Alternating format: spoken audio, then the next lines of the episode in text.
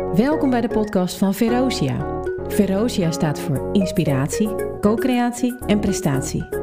We gaan in gesprek over actuele thema's binnen het vakgebied van audit, control en risicomanagement. Ja, goeiedag allemaal. Mijn naam is Mark Dame, partner van Verosia. En ik heb vandaag een bijzondere gast, Loepna. Loepna, ehm, ik heb jou een aantal keren uh, ontmoet op verschillende uh, congressen, uh, presentaties, seminars. En wat me toen opviel is jouw tomeloze energie, enthousiasme, creativiteit, positiviteit. En toen dacht ik van, nou, toen we laatst elkaar op het IEA-congres ontmoetten, dacht ik van, nou, Loepna moet ik vragen of ze met ons een podcast wil opnemen over werkgeluk. Want dat is een van jouw specialiteiten, hè? Ja, absoluut. Vertel eens iets over jezelf. Nou, dankjewel. Ten eerste dankjewel dat ik op jullie podcast mag mogen verschijnen. Altijd ontzettend leuk om te doen. Ja, zoals je al zei, ik heb, um, nou, zeker voor jullie die hier luisteren, ik ben bijna 11 jaar IT-auditor geweest bij de Rijksoverheid. Dus ik heb heel veel verschillende IT-audits mogen doen. En um, in die periode wat mij opviel is, er zijn een hoop mensen die nou ja, zagrijnig rondlopen. En je zei het al, ik ben positief, ik ben optimistisch, ik ben hoopvol. Ik geloof en, dat het altijd wel mogelijk is. En was dat specifiek binnen het auditvakgebied? Toen, je, toen je daar rondliep, of was dat breder? Nee, allebei. Ik bedoel, ik, ik liep rond bij de Rijksoverheid. Dat zijn ambtenaren. Uh, en ik generaliseer nu heel bewust, want het is natuurlijk niet iedereen. Uh, maar dan denk ik, voor mij was het zo, hoe kan je nou naar je werk verschijnen en denken, oh, ik wil eigenlijk niet? Dat is een, een gemoedstoestand waarvan ik denk, dat, daar maak je het jezelf zo moeilijk mee. Um, en het viel me ook wel op, want, want mensen gingen mij vragen: ja, je doet ook alleen wat je leuk vindt. En je hebt ook al ontzettend plezier. Ik dit zijn ambtenaren, dit zijn auditors. Dat, dat plezier is toch niet onderdeel van je, van je frame of mind of mindset, zoals we dat zeggen. Toen dacht ik, waarom niet? waarom eigenlijk niet? Voor mij is het wel zo. Ja. Voor mij is het wel zo. Ik heb mezelf één ding beloofd toen ik uh, solliciteerde voor mijn allereerste echte baan. En dat is, als ik geen plezier heb, ga ik weg. En in de bijna twintig jaar dat ik nu een carrière heb, ben ik drie keer vertrokken vanwege die reden. Dus het is ook, waar kies je voor? En laat je je leiden door uh, de verhalen die we onszelf vertellen over hoe het zou moeten zijn op het werk. Dus ik ben altijd gefascineerd geweest hoe kunnen we het onszelf nou leuker maken, gezelliger en interessanter? Dus ik ben, naast dat ik gewerkt heb als auditor, ook altijd coach geweest. Ik heb altijd ook presentaties gegeven. Vind ik superleuk. Mijn speelveld is het, is het podium. Mm Dus je kunt je voorstellen dat bij het IA-congres een paar weken geleden ik heel gelukkig was. Na, na bijna 18 maanden dat ik niet meer kon doen.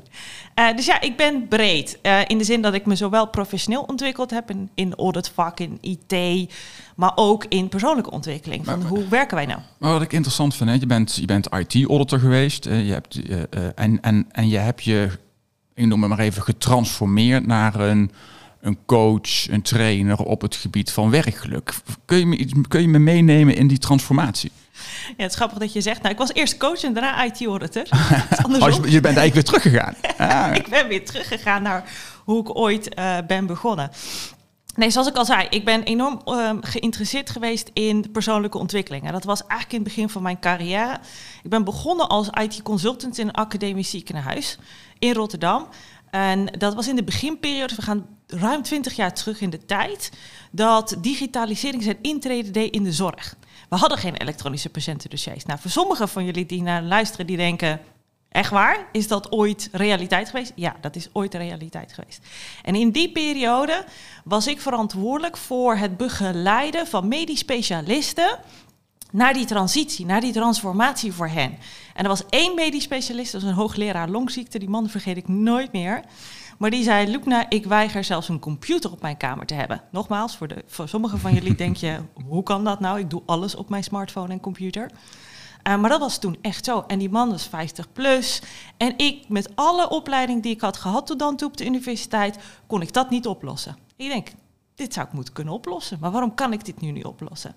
En dat heeft ervoor gezorgd dat ik me ben gaan verdiepen in waarom zegt iemand nu nee? Waarom uh, wil iemand dat nou niet? Hoe kan ik die persoon nu begrijpen? Want als ik hem begrijp, dan kan ik hem begeleiden naar die transformatie, naar iets gaan doen wat ze nog nooit eerder gedaan hebben. Nou, die man, die specifieke casus, heeft me twee jaar gekost.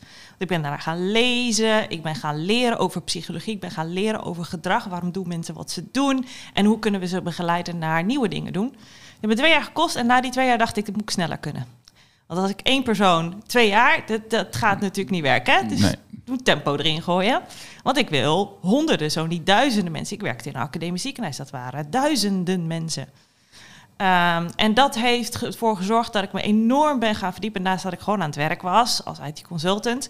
Gaan verdiepen in hoe kan je dit nu sneller doen? Hoe kun je dit versnellen? Wat hebben mensen echt nodig om hun keuze te maken? Dus dat maakt al heel gauw mij waardevol als coach. Want ik kon nu met de kennis die ik opgedaan had, de ervaring die ik opgedaan had, andere mensen begeleiden in, ja, ik wil iets nieuws. Ik voel dat, ik, dat er meer is in het leven. Ik voel dat er meer zit in mijn werk. Ik voel dat ik meer kan.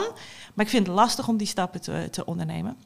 En ik ben blijven hangen in de IT-wereld, omdat ik nog steeds een passie heb voor IT. Dus toen ik overging naar, nou, van adviseren over ICT naar controleren, het auditen van ICT bij de Rijksoverheid. Ik kwam binnen met die frame, met dat mentaal model op de wereld. Van ja, alles is mogelijk. En zolang je maar open staat voor de mogelijkheden die er zijn. En open staat voor nieuwe ideeën. En open staat voor het experimenteren met die nieuwe ideeën. Wetende dat of het kan lukken. Of misschien wel helemaal niet zoals je dat je verwacht dat het gaat. Maar er is altijd wel iets waar je aan kan draaien. Dus dat maakt mij anders dan een auditor. Ik kreeg ook heel veel in die periode. Je bent echt niet de typische auditor. En ik denk, wat is dat dan? Wat is een typische auditor? Wat is een typische ambtenaar? We houden onszelf in dat soort type verhalen vast. Dat we zeggen, ja, je hoort te voldoen aan een beeld dat we hebben van een auditor. Waarom gaan we dat beeld niet veranderen? En toen, en toen heb je je auditvak uitgevoerd. En op enig moment begon het toch, vermoed ik, ergens te kriebelen of zo. Of denk van, wacht even, ik ga me toch transformeren terug naar je eigen, naar je roots. Ja. Om coach Ja. te gaan worden. En dan ook nog eens een keer heel specifiek op het thema werkgeluk. Ja, defining moment is, ehm, eh, ik vertelde al aan het begin, ik heb mezelf beloofd, ik moet plezier hebben. Als ik geen plezier heb, ga ik weg.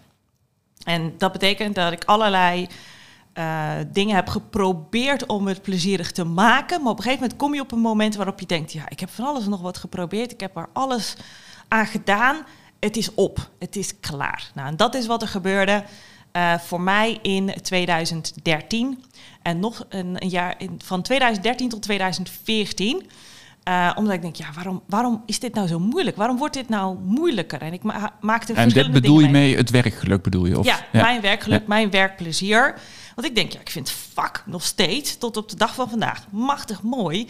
Maar ik merk dat er frictie is. Ik merk dat, dat het niet meer gaat. Het gaat me niet meer in flow. Het gaat niet meer als vanzelf, terwijl ik dat gewend was. En er zijn verschillende events aan ten grondslag eh, gegaan. Eh, dus ik zal daar niet al te diep op ingaan. Uh, maar dat leidde ertoe van ja, nee, de plezier is op. En de mogelijkheden en de ideeën voor mij, mijn creativiteit is ook op over wat ik nog meer zou kunnen doen. Dus eind 2014 heb ik iets gedaan wat niet heel veel mensen zouden doen. Maar ik heb moedig tijdens mijn eindejaarsgesprek, maar mijn manager komt altijd die vraag, hè. We kijken terug, maar we kijken ook vooruit. En dan komt die vraag, hoe ziet de toekomst er voor jou uit? En toen hij die vraag stelde en ik wist dat hij hem ging stellen, toen kwam er woorden uit mijn mond die ik niet van tevoren had voorbereid. Dat gebeurt ook nog wel eens bij mij. En ik hoorde mijzelf zeggen, um, ik ga weg. Ik ga weg bij deze organisatie. En toen zei hij, waarom? En toen maakte ik hem echt helemaal bond, want toen zei ik, er is geen toekomst meer voor mij bij deze organisatie. Dat is niet wat ik had voorbereid nogmaals, maar wel hoe het voelde. Ik denk, ja, ik, zie het, ik, de, de, ik zie het niet meer. Het is op. Ik zie niet meer hoe ik binnen deze organisatie specifiek kan zorgen dat ik plezierig en met impact kan werken. Dus dat ik kan doen waar ik een bijdrage aan wil leveren. En, uh, en wist je toen al dat je jezelf wilde ontwikkelen op het gebied van coaching, trainingen geven, ja. presentaties binnen ja. het thema werkgeluk? Nee. Nee, werkgeluk deed zijn intrede in 2016, zeg ik dat goed? Ja, 2016. Uh, en ik werkte toen als verandermanager bij een ministerie. En we hadden een teambuildingsdag in 7 juni 2016, om precies te zijn. En er werd de vraag gesteld, waar, wat doe je in, op 1 januari of in januari 2017? Nou moet je weten dat ik op dat moment een contract had, een tijdelijk contract tot 31 december 2016. Dus voor mij landde die vraag als, alles is mogelijk. Want ik weet niet of ik er dan nog hier ben. Ik weet ook niet of ik het wil. Ehm, dus alles is mogelijk. Dus ik liet een aantal collega's voorgaan. Dat is echt out of character voor mij. Want normaal gesproken ben ik de eerste die zegt, ik weet precies wat ik ga zeggen. En toen dacht ik, nee, ik laat eerst nog een aantal andere collega's die vraag beantwoorden. En na nummer drie of vier zei ik, ik heb een, ik heb een ik wil delen. En ik zeg, nogmaals, er was weer zo'n moment waarop de woorden uit mijn mond kwamen waarvan ik niet zo goed wist waar het vandaan kwam. Maar ik zei, ik ben in januari 2017, zit ik, ben ik op een eiland, lig ik in een hangmat met een iPad op mijn schoot in gesprek met jullie. En dan krijg je natuurlijk de lachers op je hand, hè, want die zeggen, haha, dan ben je op vakantie. Ik zeg, nee, dan ben ik aan het werk, zei ik, in die visie. Dus het is niet vakantie. En eiland is raar, want ik heb nog nooit ergens naar het buitenland, naar een eiland gewild. Het zijn altijd wel warme plekken, maar niet specifiek een eiland. En waar die hangmat vandaan komt, dat weet, dat weet ik ook niet. Ehm, de grap is dat, ondanks dat een heleboel van mijn collega's op dat moment aan het lachen waren, hadden ze ook zoiets van, hmm, dit klinkt wel heel leuk wat zij nu zegt. En onderdeel van die teambuildingsdag was dat we met een groepje een keuze moesten maken. Welke visie wil je uitbeelden? En uh, maak er iets creatiefs van. En mijn groepje besloot om er een, een optreden, een theateroptreden van te maken. De hangmat in dit geval waren twee stoelen die tegen elkaar gezet waren. En ik lag dus tussen die twee. Ontzettend oncomfortabel als je het vergelijkt met een echte hangmat. En uh, ik had iPad, gelukkig de trainer had een iPad bij zich. Dus we speelden dat ik dat gesprek voerde met mijn collega's en zij stonden om mij heen. En dit was juni, hè? Fast augustus 2016. Ik krijg een telefoontje van mijn uh, uh, collega bij de ordendienst. En die zegt, Loep, naar zit je? Ik zeg, waarom moet ik zitten? Hij zegt, zit je? Ik zeg, oké, ik ga zitten. Vertel. Hij zegt, zou je naar het buitenland willen? Ik zeg, waarvoor? En hij zegt, nou, ik ben net uh, gebeld door de Rijksacademie. Daar zat ik al zes jaar les te geven. Ik gaf IT-auditing aan niet-IT-auditors. Wat ik superleuk vind om te doen. Ik zeg ja. En mijn brein ging, ja, maar als ze zeggen Bulgarije of Polen, zeg ik nee. Want dat, dat maakt me niet uit wat ik moet doen. Zo leuk vind ik het dan ook weer weer niet. Hij zegt, Loek, nou ga zitten. En dan denk ik, oké, Marcel, je moet me echt even vertellen wat er aan de hand is. Want dit, is, dit, is, dit ben jij niet. Normaal gesproken zeg je dit niet tegen mij. Hij was gebeld met de vraag: zouden wij als docententeam van die opleiding bij de Rijksacademie die opleiding van drie dagen ook willen geven op Aruba? En hij vertelt mij Aruba en ik zat en ik denk: shit, dat is een eiland. Warm? Zou er ook hangmatten zijn? hangmat? Zouden er ook hangmatten zijn? Wist ik niet. Ik denk, en ik word betaald. Hmm, waar heb ik dit eerder gehoord? Um, ik ben, uh, in december ben ik op vliegtuig gestapt. Ik had een paar boeken meegenomen. Dat doe ik altijd als ik op vakantie ga. Een van die boeken is Gelukkig werken van Onno Hamburger. En op de allereerste dag, want ik had een, uh, was vroeg wakker, vier uur s ochtends of zo. En ik begon te lezen in dat boek, want ik kon niet meer slapen. En de allereerste hoofdstuk staat een verhaal over Aruba. En ik denk, nou, dit, dit kan niet. Dit is, dit is, toeval bestaat niet, maar dit is wel heel bizar dat ik op Aruba in een boek ben begonnen, van de drie boeken die ik mee had, waarin de auteur vertelt over Aruba, waarin hij had ontdekt, er, is, er moet meer zijn. Ik ben niet gelukkig. Ik ben op een eiland, ik heb een baan op een eiland, ben van Nederland naar Aruba gegaan om gelukkiger te zijn. Ik heb goed geld, uh, fantastische omgeving, maar het voelt niet als ik ben gelukkig op mijn werk. Wat is hier aan de hand? En zo is zijn reis begonnen aan gelukkig werken. En ik ben mijn reis ook op die manier begonnen. En ik heb de opleiding bij Onder Hamburger gedaan. Ik ben gecertificeerd gelukkig werkencoach. Ik heb de opleiding gedaan bij de Erasmus Universiteit. Ik heb nog een dosis boeken gelezen over het onderwerp. Maar nu lijkt het, hè, Loepna, nu lijkt het alsof het... Um alsof het werkgeluk hè, ook als toeval aan elkaar hangt. Hè? Want hetgene wat er bij jou, wat het verhaal wat je eigenlijk vertelt, is eigenlijk een nou, toevallige samenloop van omstandigheden. Al dan niet. Natuurlijk heb je daar zelf invloed op, maar het is wel. Nou, het, past, is maar zeggen, in het plaatje. Um, ik kan me niet voorstellen dat het werkgeluk dat dat toeval is en dat mensen vooral de eigen regie moeten nemen om hun werkgeluk te zoeken. Hè? Uh, of te pakken eigenlijk. Hè? Misschien is dat, dat nog wel een betere term. Ja. En ik zou heel graag een bruggetje willen maken naar van oké, okay, wat is dan werkgeluk? Waar bestaat het nou uit? En wat kan de luisteraar nou concreet doen om te zorgen dat hij of zij vanuit eigen regie uh, uh, ieder geval in eerste instantie in zich krijgt. Hè? Van waar, die, waar hij of zij staat. En vervolgens uh, handvatten krijgt over, oké, waar wil ik dan naartoe en hoe doe ik dat dan? Ja, dat is een hele mooie vraag. Eén, ehm, ik geloof niet in toeval. Nou, gelukkig. Dan, zijn we dat, hebben we dat ook weer. Even, even dat betekent eigen regie. Hè? Eigen regie, altijd. En als je goed hebt geluisterd naar, naar mijn verhaal, dan begon mijn reis voor werkgeluk begon met een visie. Ik vertelde dat in januari 2017 wilde ik op een eiland zijn, aan het werk, in de zon. Dus ik deelde allemaal zaken die ik leuk vind, die ik heel fijn vind, super fijn om te doen. Dat is de warmte, de zon. Nou ja, eiland, geen idee, maar het is leuk. Ja. En, en een hangmat is voor mij ontspanning. Dus ik was wel heel helder over idealiter, als alles mogelijk zou kunnen zijn, ultieme droom. En ik denk niet na over de beperkingen van vandaag, dan is dit wat ik zou willen. En daar begint het voor mij mee. Het begint met wat wil ik eigenlijk? En dat is een simpele vraag, maar ook zo moeilijk, voor mensen te beantwoorden, omdat we er te weinig bij stilstaan. En dat is ook wat geldt voor werkgeluk. Ik begon op te letten, omdat ik die visie helder voor ogen had, begon ik op te letten op die signalen. Een paar maanden later, telefoontje. hey, Aruba-eiland. Het klopt. Er is een link tussen de visie en wat ik nu aangeboden krijg. Ik ben op Aruba, het eerste wat ik gedaan heb is een hangmat opzoeken. Maar in de wandeling naar de hangmat toe werd ik geconfronteerd met op elk kenteken in de auto van op Aruba staat The Happy Island. Hey, happy, daar komt hij weer. Boek lezen over werkgeluk. Dus er zijn allerlei zaken die dan jouw aandacht grijpen doordat je die visie hebt. En dat is waar het eigenlijk over gaat.